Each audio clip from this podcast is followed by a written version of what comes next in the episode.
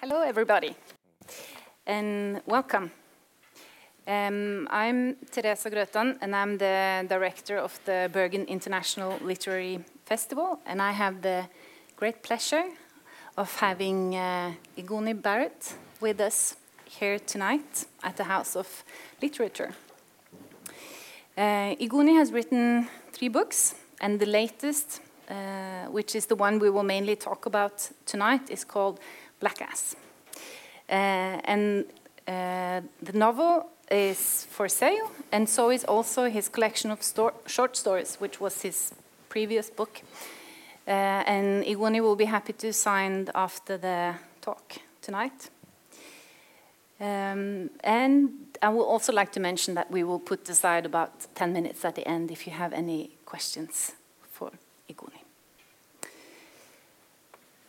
Um, but let's talk about uh, Wariboko, who yes. is the main character of your novel, Blackass. Uh, he wakes up one morning being white. Yeah. How did you get the idea for a book about a black man suddenly turning white? I have no idea where the idea came from. Um, but I do remember when it came. I had, um, I was at that time waiting to get a visa. In, um, I live in Lagos and I traveled to Abuja, which is the um, capital of Nigeria, an administrative town, to get a visa, an American visa to go for some book event and um, I had to wait for about two weeks.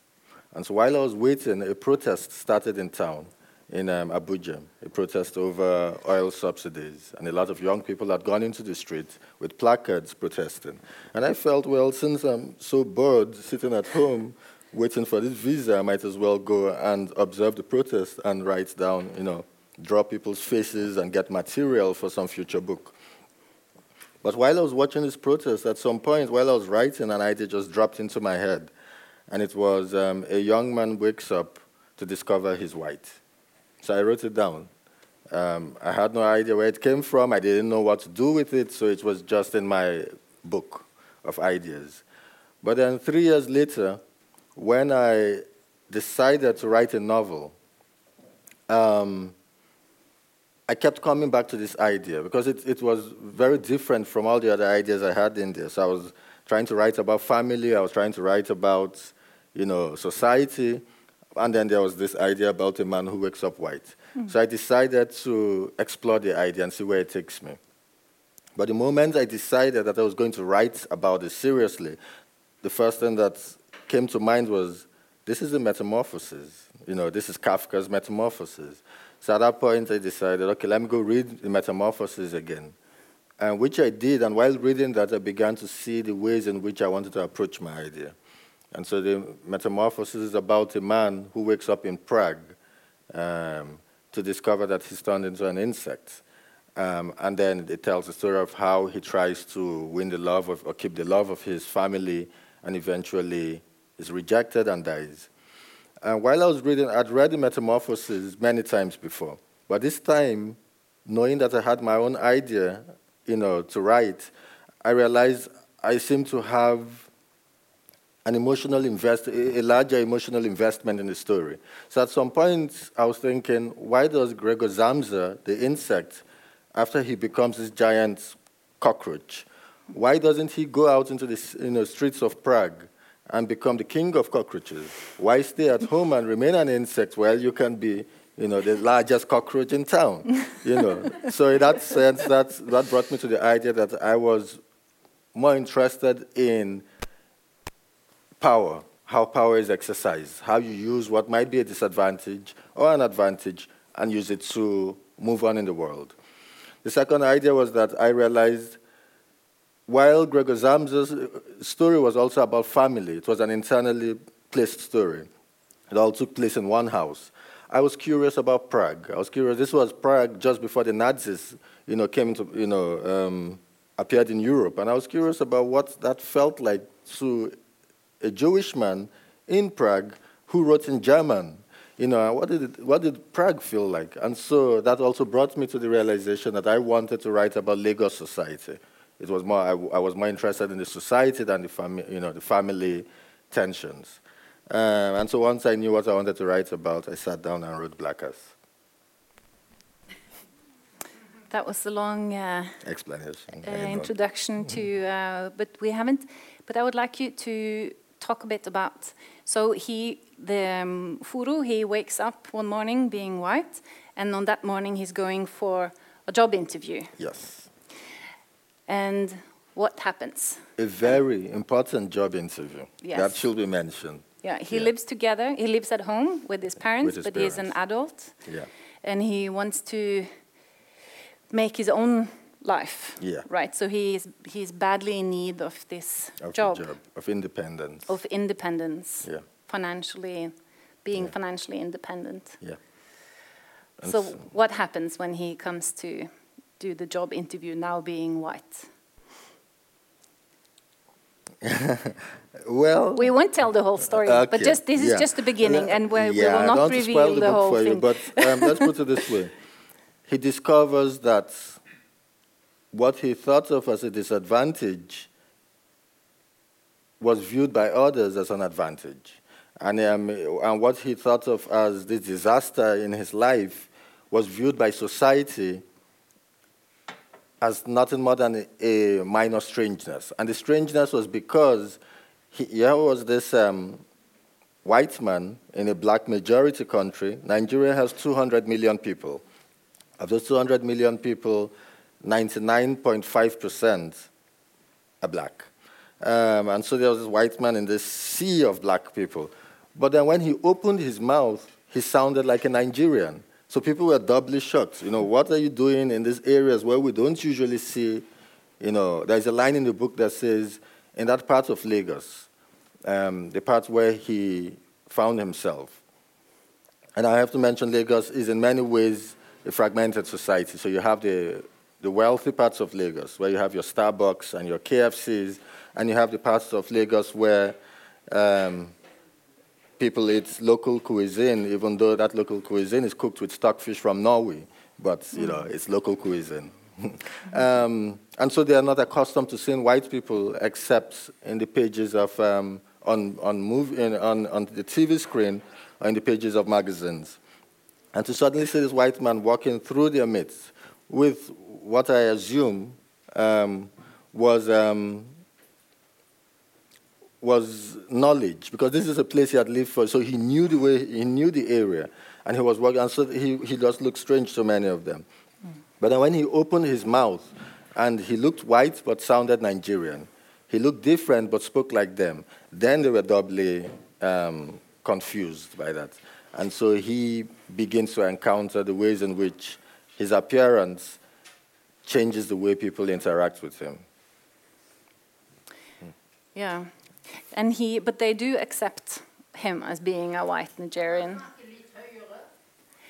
We have the microphone. Oh, yeah. okay. Is it possible to increase the volume? Because I have a, quite a loud voice, but I can't shout. Sorry. Is it possible to increase?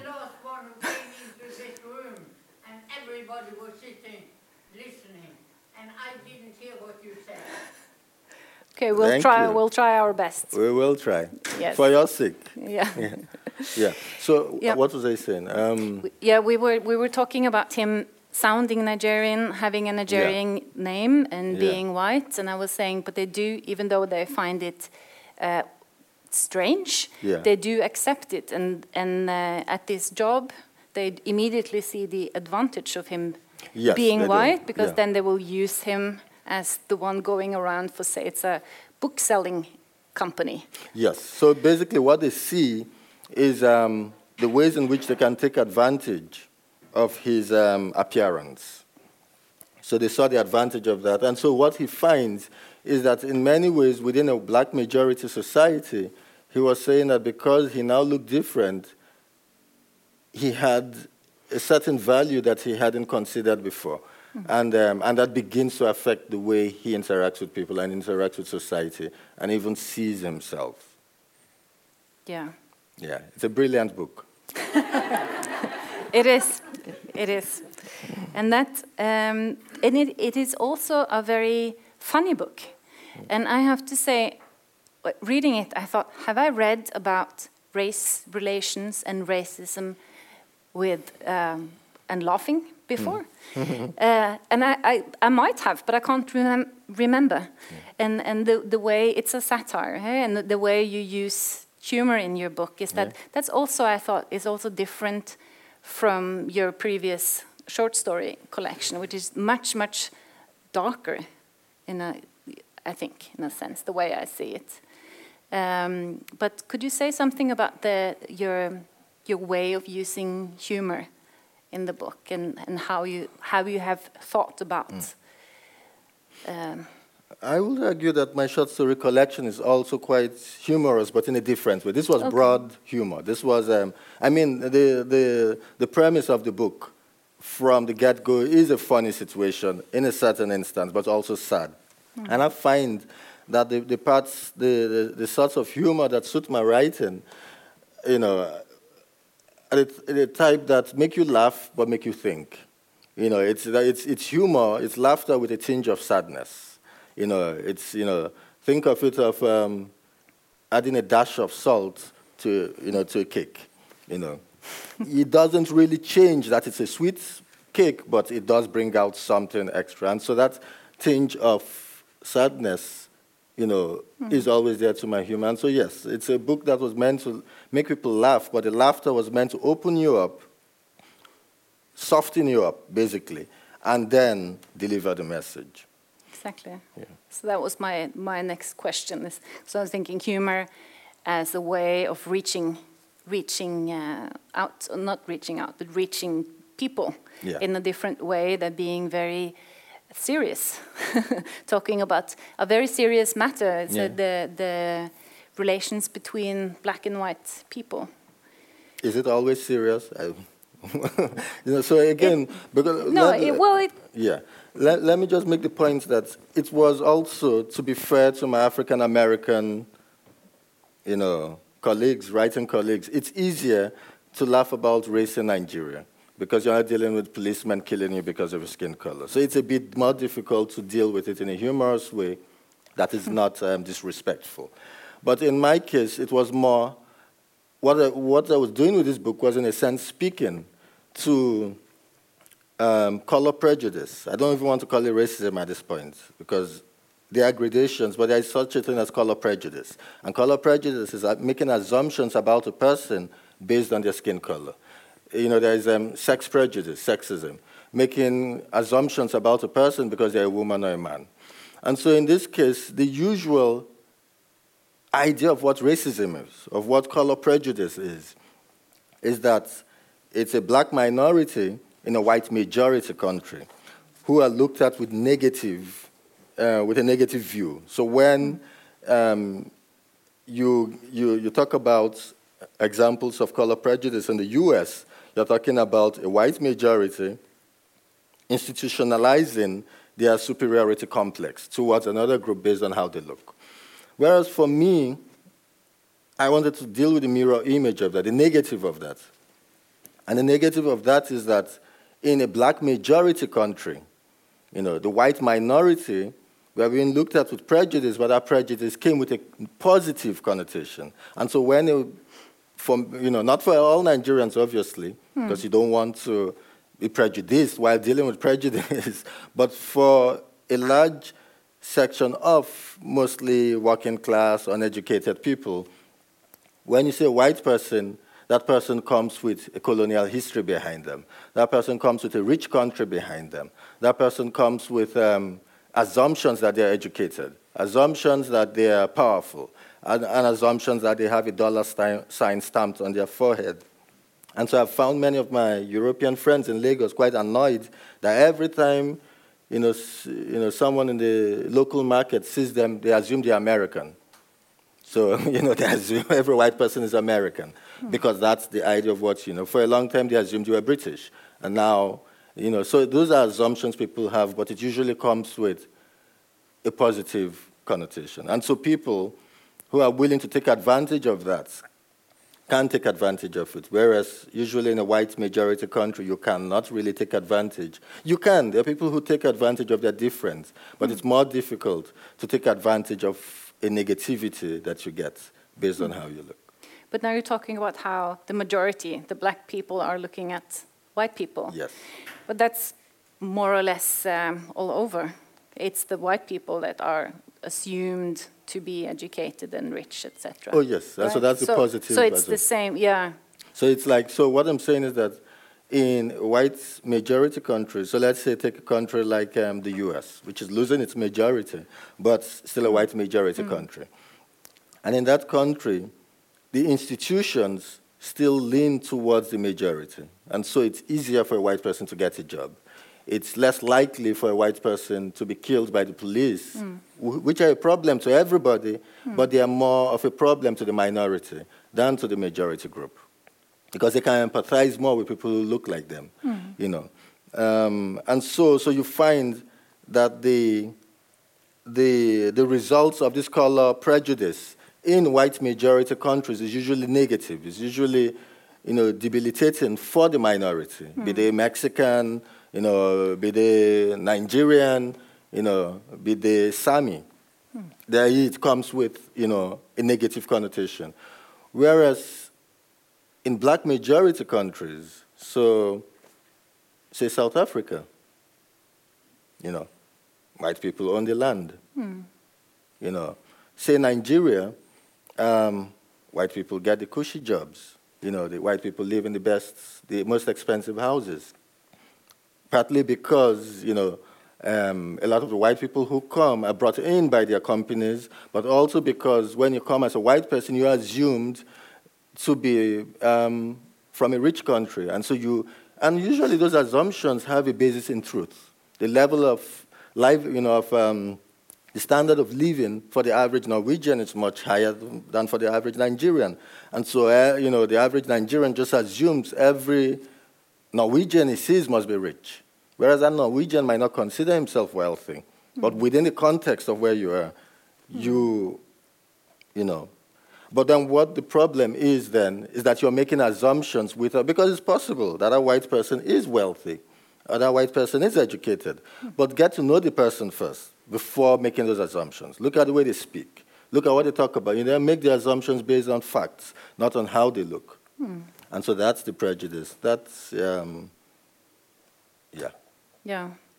But in, in general, you've been talking about the relationship between white and black people. You've been saying a bit about it um, now, but I would like you to elaborate a bit more in comparison Nigeria to countries like you've mentioned, the US or or yeah. South Africa. And so one thing is that you you talk about how there are so few white people, and um, it's um, so it's a very small minority, yeah. and how black people view or the general population view those white people. But how is it the other way around? Um, in Nigeria, mm -hmm. how the mm-hmm. white people view. Yeah.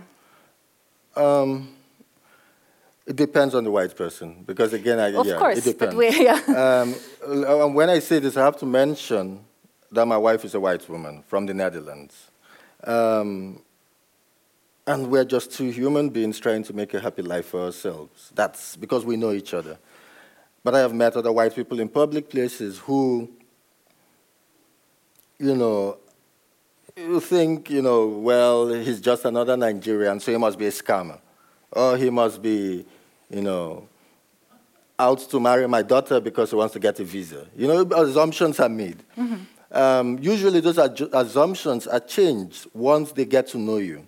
But my, the point of this book is that um, the educated person, I feel it is less forgivable in some sense when an educated person who has, who understands that facts are what they are, the world is built on, built on facts. There's long gone are the days where we believed heaven above the skies was heaven. You know, now we know the moon exists. You know, today we deal with mobile phones, we have Skype conversations. The world is built on facts.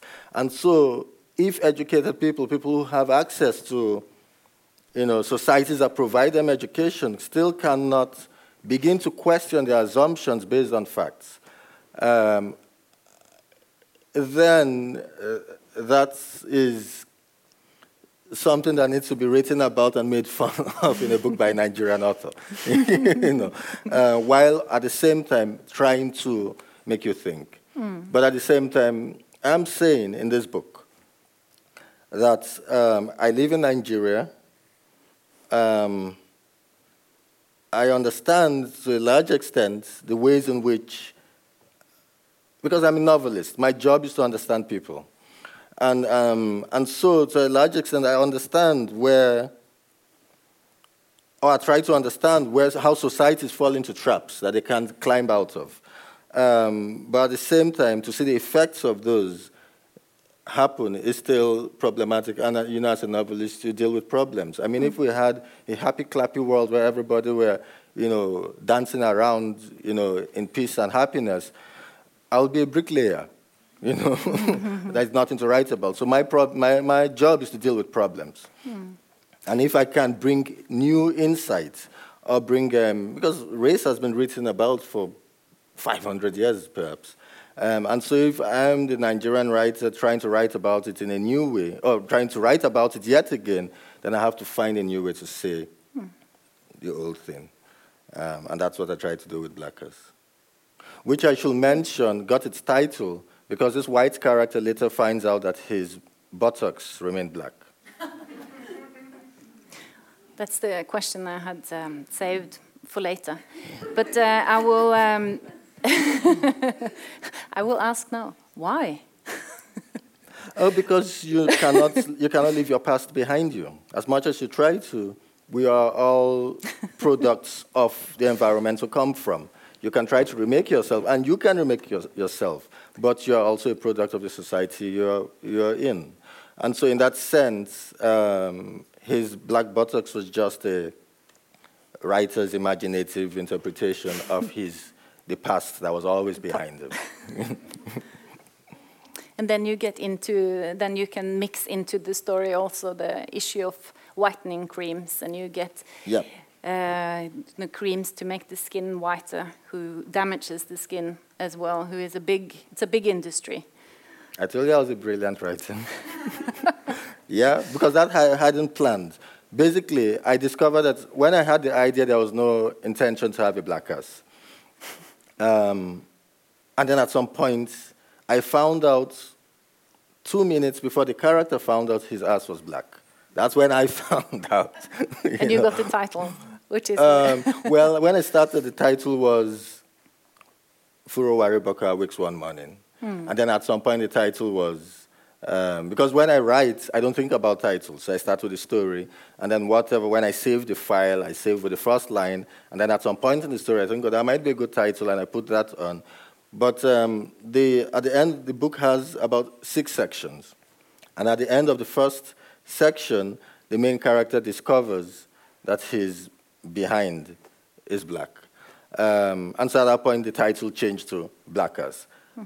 And I did everything I could to change that title to something a bit more acceptable because I still cannot look my grandmother in the face and tell her the title of my book is Blackass.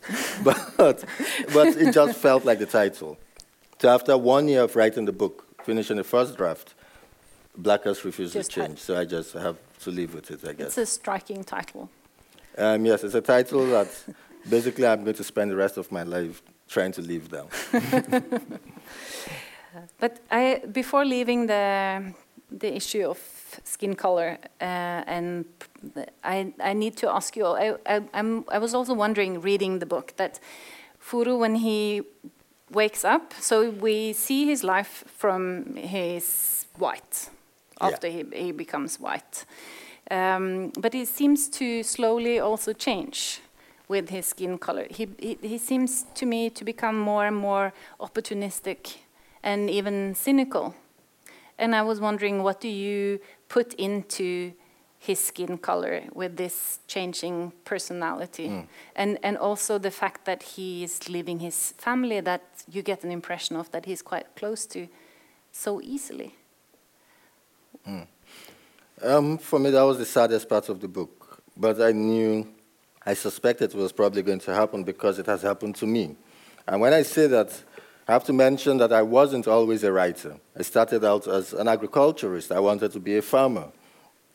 Um, I was 26 when I decided that, no, I was 24 when I decided that writing was the you know, job I wanted to do if YouTube is the worst thing that's happened to emerging writers, because if you Google my history and go back to when I began to emerge as a writer in, in Lagos in 2005, 2006, and you ever watch any interviews I give, I was a shy, stuttering, you know, inward-looking person. I had been a bookworm all my life. I was always jealous of my younger brother because he had all the girlfriends, and I only had the books, you know.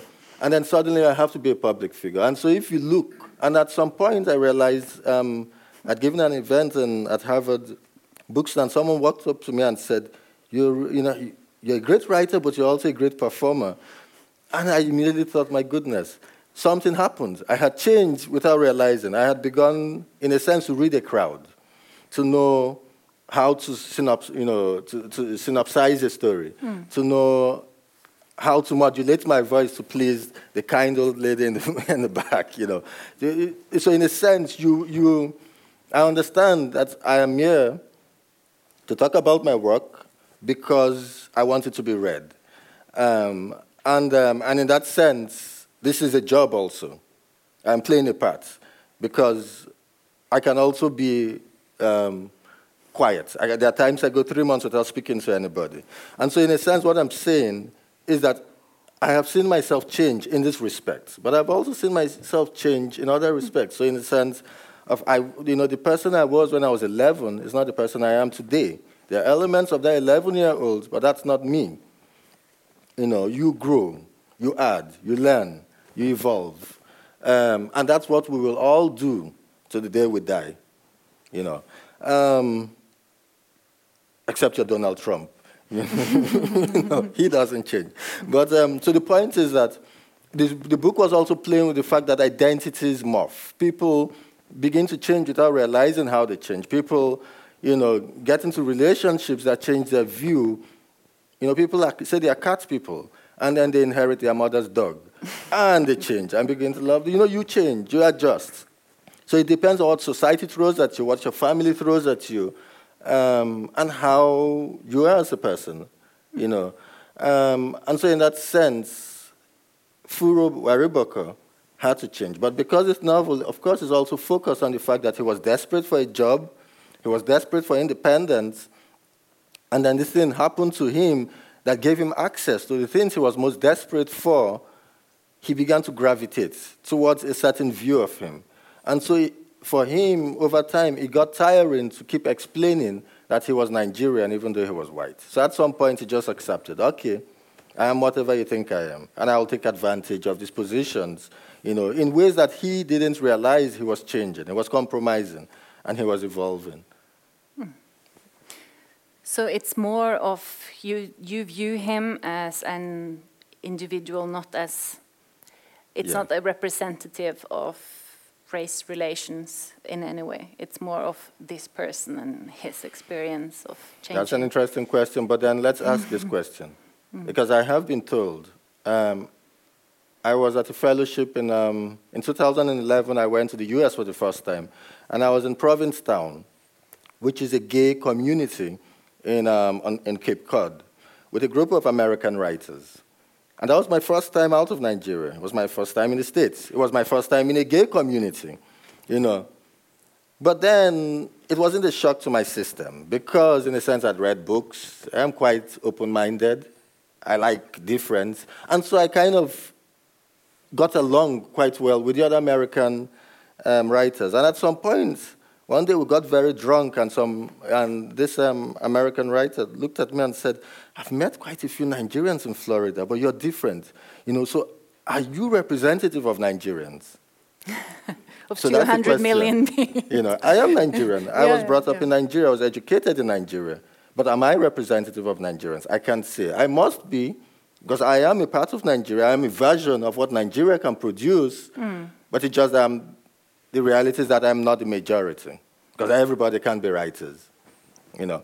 Um, I mean, even in the shoes I like to wear, I am not common in Nigeria. So in that sense, but I am a version of what the country managed to produce. So, uh, you, so I could make the point that I am representative, but then I am not at the same time representative. Mm. And then we can begin to deconstruct that statement and see what it means. Um, I might be an, a mistake that happened because my mother was a, school teacher, my father was a writer, and I just happened to be a shy boy who couldn't speak to girls. Maybe that's a mistake that brought me here. Or it might be the books I happened to read. I don't know. But I know that I was brought up in Nigeria and I ended up here. Mm. So Nigeria must have had a hand in my production. Yeah, well, I was, I was talking more about the, your main character. Who's Nigerian? Yeah, he is Nigerian. And I'm, I'm, as a reader, I, I think that I see, I read it as more of an allegory or of a story of something yeah. bigger. And you also quote um, Frantz Fanon, yeah. who uh, was a philosopher from Martinique, mm. who wrote a lot about racism, especially, and yeah. has had a big impact uh, on post-colonial studies, etc. And you and you quote him uh, saying, "For the black man, there is only one destiny, and it is white." Yeah. So I, I, think I'm I'm right in uh, in interpreting your novel as being more. It when you talk yeah. about it, it sounds it sounds more like you you write about two, or actually one. I'm talking about one individual, yeah. rather than a story about black and white and, and the relations. But it is a story about black and white. But yeah. at the same time, it is possible to be a story about black and white and also a story about an individual. Mm. It is possible for one piece yeah. to be a story about love in, you know, in imperial Russia, but also a story about Napoleon. It's possible to, that, that's why we write novels. It is, it's yes. possible to be many things. In fact, it the is. more the merrier. Mm. And so, in that sense, yes, what, part of what I was doing was complicating the story. And I should perhaps say that I'm the sort of writer who doesn't come to a story knowing what the answers are. In fact, if I sit down to write a story and, know, and I know what I'm going to write about, then I lose interest because I already know. I like mystery. I like to discover. And so I usually come into a story asking mm-hmm. questions mm-hmm. and seeing where those questions lead. And the, the, the, things that lead, you know, the, the, the technique I use to ask those questions are the characters. So create a character. I make this character an amalgam of people I know and people I've read about, you know, um, and so make, try to create something real. So for me, it's important that the character be as real as possible, mm. but also you're asking philosophical questions and you're pushing it into this character's life and you're saying, where does it lead?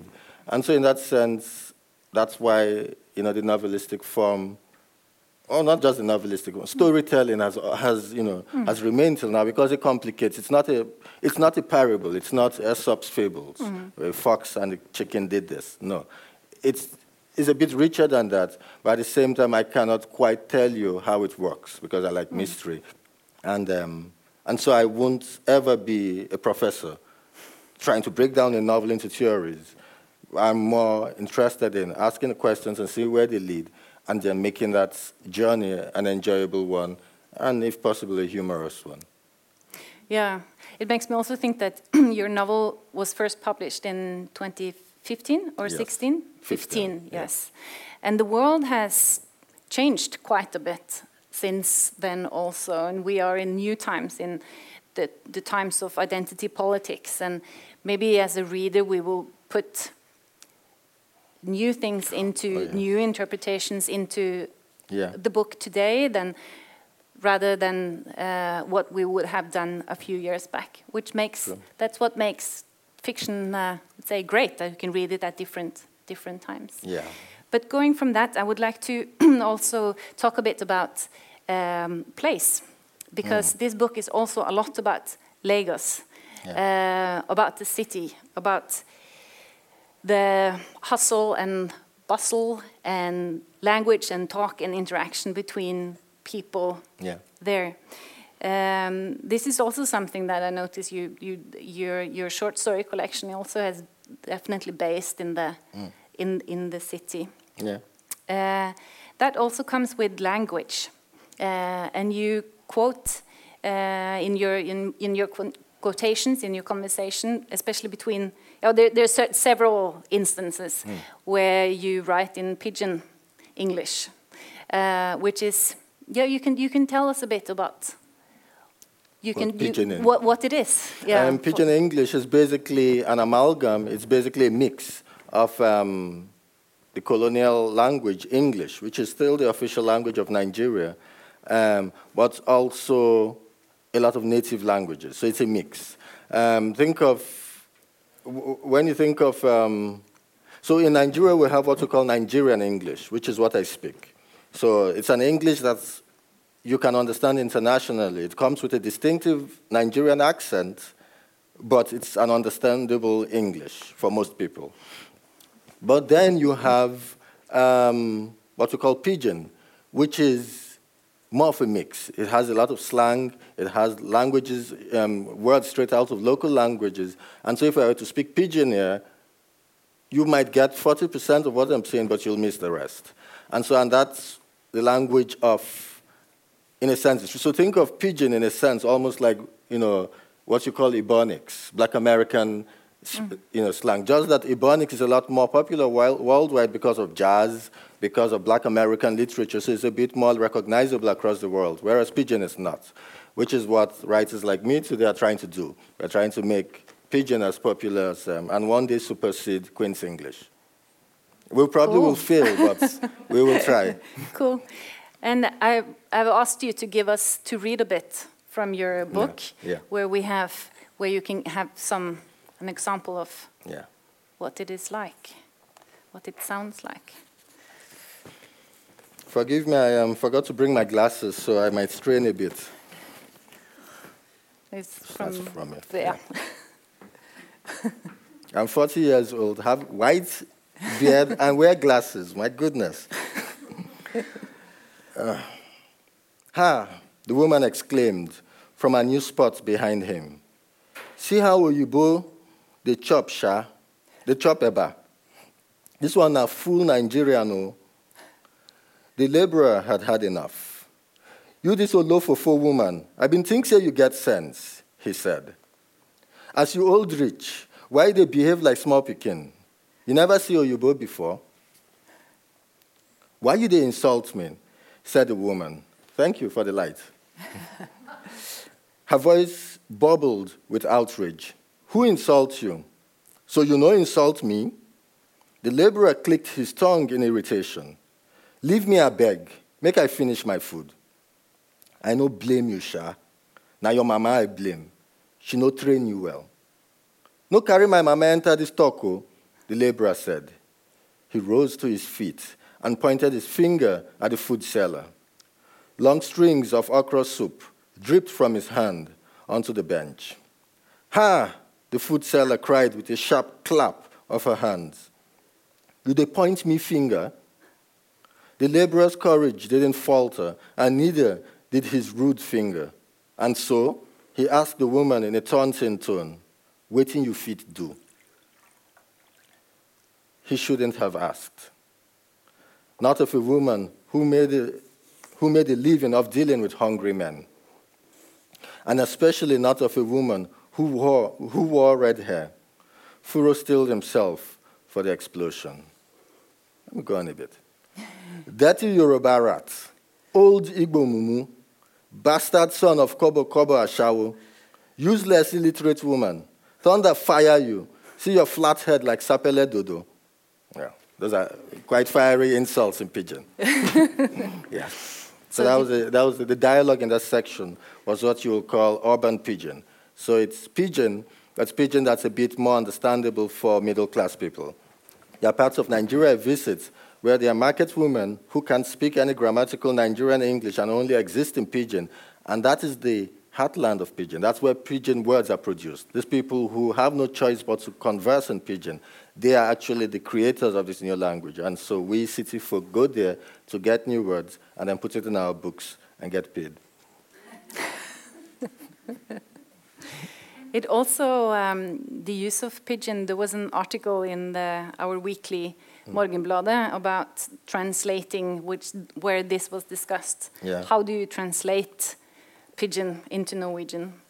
Um, I'm not sure if the the it's it's up for, it's up for discussion. Yep. But uh, what I wanted to um, ask you about is the way you use Pidgin, the way you use the location of Lagos. It's uh, it's it's obviously uh, I'm thinking of when you write, is it, uh, are you imagining uh, specifically a Nigerian readership? Are you writing for Nigerians? I am, I am writing to be read by Nigerians, but I'm also aware that I will be read by the world because um, in no way do I think of myself as a local writer. And I say that without arrogance because the writers that inspired me, I mean, I don't read Russian, I don't speak Russian, but I love Dostoevsky. And I, I, got, I encountered his work in the English. And I can still get a sense of what the man is and what he's trying to say and what he's doing with language. Mm. You know, Gabriel Garcia Marquez is a great writer. I don't speak Spanish, but I encountered him in. So, in a sense, I'm aware that in the end, language is a formal way to pass, you know, to communicate. It's, I mean, in the end, we just want to pass information. But then, being humans, we complicate everything with touch. And so, language mm. now becomes this thing that carries history and carries anger and carries emotion and carries imagery. Um, and so, but at the same time, you can still find a way if you're a good translator and if you're you know, widely read, to give the same kind of color of a Garcia Marquez in Spanish in English. You know, or to find a way to give a sense of the sentence cadences of a Dag Solstad from Norwegian, and I can read them in English and understand why Norwegians like his work. Mm. You know, so in that sense, um, it is a problem to capture everything that is put into a language. But I think even the writer hasn't solved that problem. Sometimes we're writing things we're not aware that we're writing about, you mm-hmm. know. So, so there's a subconscious thing going on there, but there's also a conscious thing. And, um, and like I said, that's the mystery. That's what makes life worth living. Mm-hmm. It, it made me think about the, we, the new, or yeah, the new writers. There are many great writers in Nigeria at the moment. We all know about mm. Chimamanda Ngozi Adichie, Teju Cole, yeah. Helon Habila, etc. Mm. And I'm think, I'm, I, when reading your book, I was thinking, is it, is it a new wave of Nigerian writers who write, who will use pidgin, for mm. example, mm. who will not write back to the West, who is not answering to the colonial past, who is completely mm. free of that. Is there, or so? Um, do you, do you see? Is that something? Is there is there something new there on the scene, uh, on the literary scene in in um, Nigeria? Except for all the writers I was mentioning is not yeah. living in Nigeria, but yeah. Um, I mean, I don't argue when book reviewers say there is something new happening, but I deeply believe there is nothing new under the sun. You know, what we're doing now has been done before just, it might have been done with um, a paintbrush before, now we're doing it on Instagram. You know, things change. And mm in the mm. end, what we're trying to express are the same emotions pain, you know, fear of death, you know, not understanding the mystery of life. You know, there are certain elements, love. It's the same topics in the end that all books deal with. Mm. You can boil it down to, you know, the Ten Commandments, in a sense. You know, so, so, but then it is not what you're writing about. I feel as a writer, it is how you write about it. And how you write about it carries along the history of your society, carries along um, your experiences as a person and the experiences of the people who made you what you are. So it carries all, all other information, this subtext, you know, basically like a computer script. You know, you read a computer page, and when you see what is behind that page, you're astounded. you know, behind one sentence, there is a lot of script. You know, and that's what language is doing. Mm. And that's what writers are doing. We are writing a story about a man who wakes up white. But behind that is a history. And it's up to the reader to, to get a hint of it mm. in their reading and think, okay, what the, what the deeper meaning might be or what, in what ways does it, or not, or lose interest and go read Mills and Boon. That's up to the reader. Um, but in the end, um, I think any writer who's, serious, who's trying to write about life with any seriousness needs to find a new way or find, bring a fresh voice to, to old topics, to age-old topics. Um, and if that fresh voice also comes with some pidgin, yeah, that's fine. yeah. I should yeah. also mention that writers of my generation are a bit more comfortable with pidgin because that is reflective of our comforts back in Nigeria. A lot of, um, we call them the first generation of Nigerian writers. So Chinua Achebe, Wole Soyinka. Mm. These were guys who were trained at a time when there were very few university graduates in Nigeria. They were an elite. And a sign of that elite was to speak the way their teachers spoke, and the teachers are usually white British men. Um, and so that was their reality. And the, you know, Wole, um, Chinua Achebe famously said of English that we will take this language that was imposed on us and make new things out of it. And that's what he did with Things Fall Apart. He wrote a book in English that sounded like no book that a British man would write. Mm-hmm. So he was able to get the cadences of a Nigerian history and Nigerian society into an, another language, you know. Um, Wole did it with the historical con- context. So you will write about Bacchus, but in a, and put situate him in a Yoruba space, mm-hmm. and show the ways in which Greek ancient Greek culture had its connections and um, and similarities in this West African culture that had no no you know known connection with the Greek history, and you know, and he was applauded for that. Mm. And so, in, in essence, I am of a different generation who have grown up being comfortable in English. Keeping, I should also mention that um, my father's Jamaican. And so when my parents spoke, they spoke in English. Um, and so I grew up, so English is my, in reality, my mother tongue. Hmm. tongue. But I won't go, but I still have a curious relationship to the language because I'm also aware that when, you know, um, American movies want to show someone who speaks English, they choose the British guy. You know, and British actors have made a career out of playing, you know, caricatures of what it is to be British. you know, but there are many other people in the world who speak English and own the language. The Irish speak English. The Irish lost the Gaelic. Mm. The Republic of Ireland speaks English. They're trying to get back their language in little ways, but the reality is that everybody speaks English. Just that when an Irishman opens his mouth, you can tell he's not from London. When a Scottish man opens his mouth, you can tell he's not from Sheffield. When an Australian opens his mouth, when an American opens his mouth, that's accepted. But then many times, as a writer, when a Nigerian opens his mouth, suddenly there's a question. Why are you not writing in your mother tongue? Well, sorry, my mother tongue is English. and like Chinua Achebe, I intend to do new things with this language. You know, and, so, and that's, that's the confidence with which we come to English. Mm. And um, yeah, and end up in Bergen talking about it. yeah, so you would rather see it as the new generation of writers as a continuation of. It is a continuation, but it's also a break. It's a mm. continuation because at the time Chinua Achebe, 60 years ago, wrote his seminal novel, there were mm. still conversations in Nigeria about throwing over the colonial language and choosing one Nigerian language as the formal language. The problem, problem was that the nation was created in an unnatural way. It was created out of countries that had had no shared history. Well, had had trade routes, and, but hadn't fought the wars that had been fought in Europe, hadn't intermarried, hadn't had royal families that are the same from Greece to Norway, you know, have the same bloodline. That took millennia of wars and loving and killing to create a European nation. African countries didn't experience that. And then the colonial powers came in their search for new resources to places where people were living their little lives, you know, trying to find happiness in little ways, and colonized. The difference, of course, is that in Africa, the black man survived. In South America, in many places, they didn't survive. Hmm. Many indigenous people were wiped, wiped, out of Chile, of Argentina.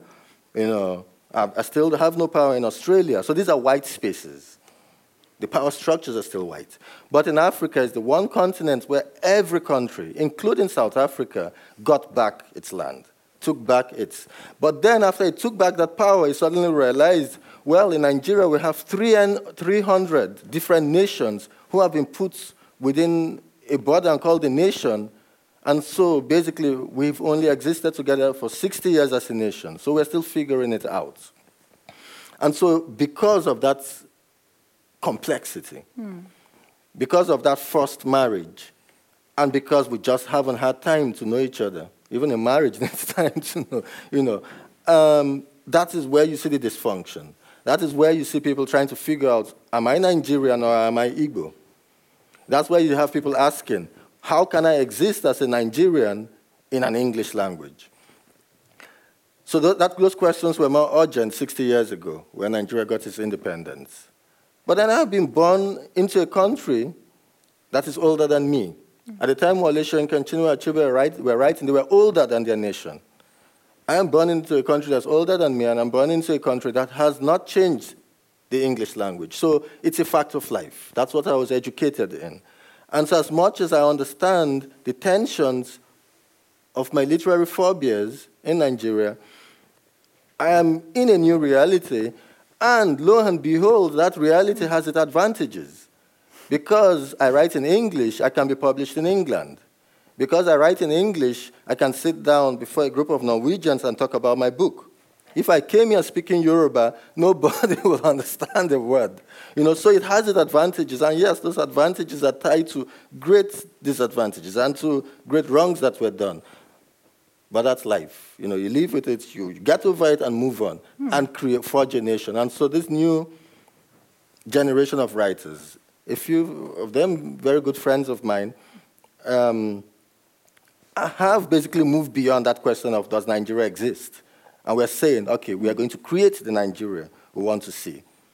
And so we're beginning to do that. And that's where we're forging the language, and we're forging, and that's why writers like me, writers like Teju Cole, mm. writers like Chimamanda Adichie are interested in society because society is what makes the individual. Hmm. And so that's what our focus is. In much the same way that Dostoevsky was interrogating Russian society. When Russia had questions about its Russianness, this was a country that existed in French. you know, so they had those questions. Um, of course, we have to also mention that um, people like Dostoevsky dropped the French and wrote in Russian, but that's another story. you know, so so we are finding yeah. our ways to engage with the world, um, and also at the same time have a good life because we will die, and someone else will fight that fight. So you do what you can while you're here. Yeah. Yeah, yeah. I think with um, we have a few minutes left, and we will open for questions now if the if there is anybody in the audience who would like to say something. Yes? yes please. I'm quite enjoying but just, novel. Yes, oh. yeah, with the microphone, please. Hmm. Um, and uh, you read out a piece, right? Page yeah. Uh, sorry, 33 in my book. Okay. Did you dare to translate? Or um, What's your language? Um, yes. Out, like, uh, Kobo Kobo, yes yeah. Yes, I understand. so the point again, and that's the other thing I wanted to mention about the tools that we have at our, at our fingertips these days as writers. One of the reasons why it's even it's, it's possible for a writer like me today to write, to infuse my language pidgin to the point that I know there are people within Nigeria who don't understand what those things mean. The vast majority of Nigerians do. Well, no. Maybe half of Nigerians do, but half don't. So, you know. Um, and then I know certainly in Ghana, neighboring African countries, a lot of them don't have access to what those terms mean. But there's a thing called Google. And if you put those terms in, Google will give you the answer. So if you're really, really curious, what this book, book does, it works as it works in the way the internet works. So if you're really, really curious and a word throws you out of the book, and you go on Google and type it in, you will find it, and you'll find the meaning. And then you'll find out about Nigeria, you know. So it's, it's serving a purpose also. It's forcing you to go. It's just that you're lucky to have me here. So I'm going to translate Kobo Kobo. Thank you. um, the Kobo, so Nigeria's currency is the naira and the kobo. So it's like the, the dollar and the cent. The kobo is the coin. And so when someone says you're a kobo kobo, we, we tend within some indigenous languages, but also within pidgin, for emphasis, we repeat a word. So we say ah ah, or we say um, now now. Now now. you see, she's getting it. You know, and that's what the book does.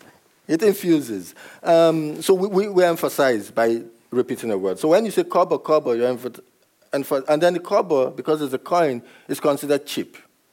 So the way, so kobo kobo ashawo is the same term in American English as a $2 whore. That's basically what it means. A prostitute. But you're a kobo kobo. you're a cheap prostitute. and to say that of someone's mother will get you a punch in the face. so that's what's going on there. the sapele dodo. Dodo is fried plantain.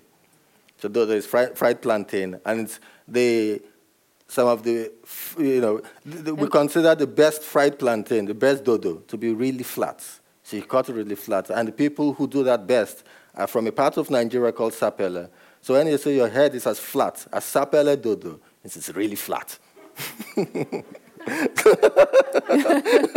That's what it means. oh, it's nice to get the explanation. Yeah. but Google will help you. Any other questions? Thank you.